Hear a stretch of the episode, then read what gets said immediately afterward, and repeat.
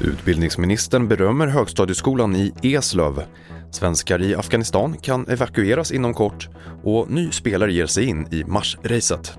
Här kommer det senaste från TV4 Nyheterna och vi börjar med skolattacken i Eslöv och utbildningsminister Anna Ekström som beskriver knivdådet som en mardröm och berömmer skolan för att ha agerat så snabbt och resolut.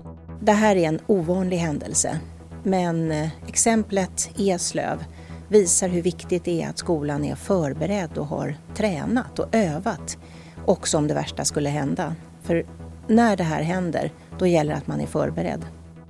Läget för mannen som skadades vid attacken beskrivs nu som stabilt. Svenskar som är fast i Afghanistan kan komma att få hjälp att lämna landet inom kort och har uppmanats att bege sig till flygplatsen i Kabul enligt ett meddelande från utrikesdepartementet som TT tagit del av.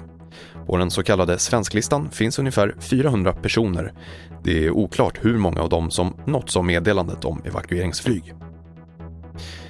Riksdagen skulle inte stödja regeringens förslag om att förlänga den tillfälliga pandemilagen i fyra månader, rapporterar SR.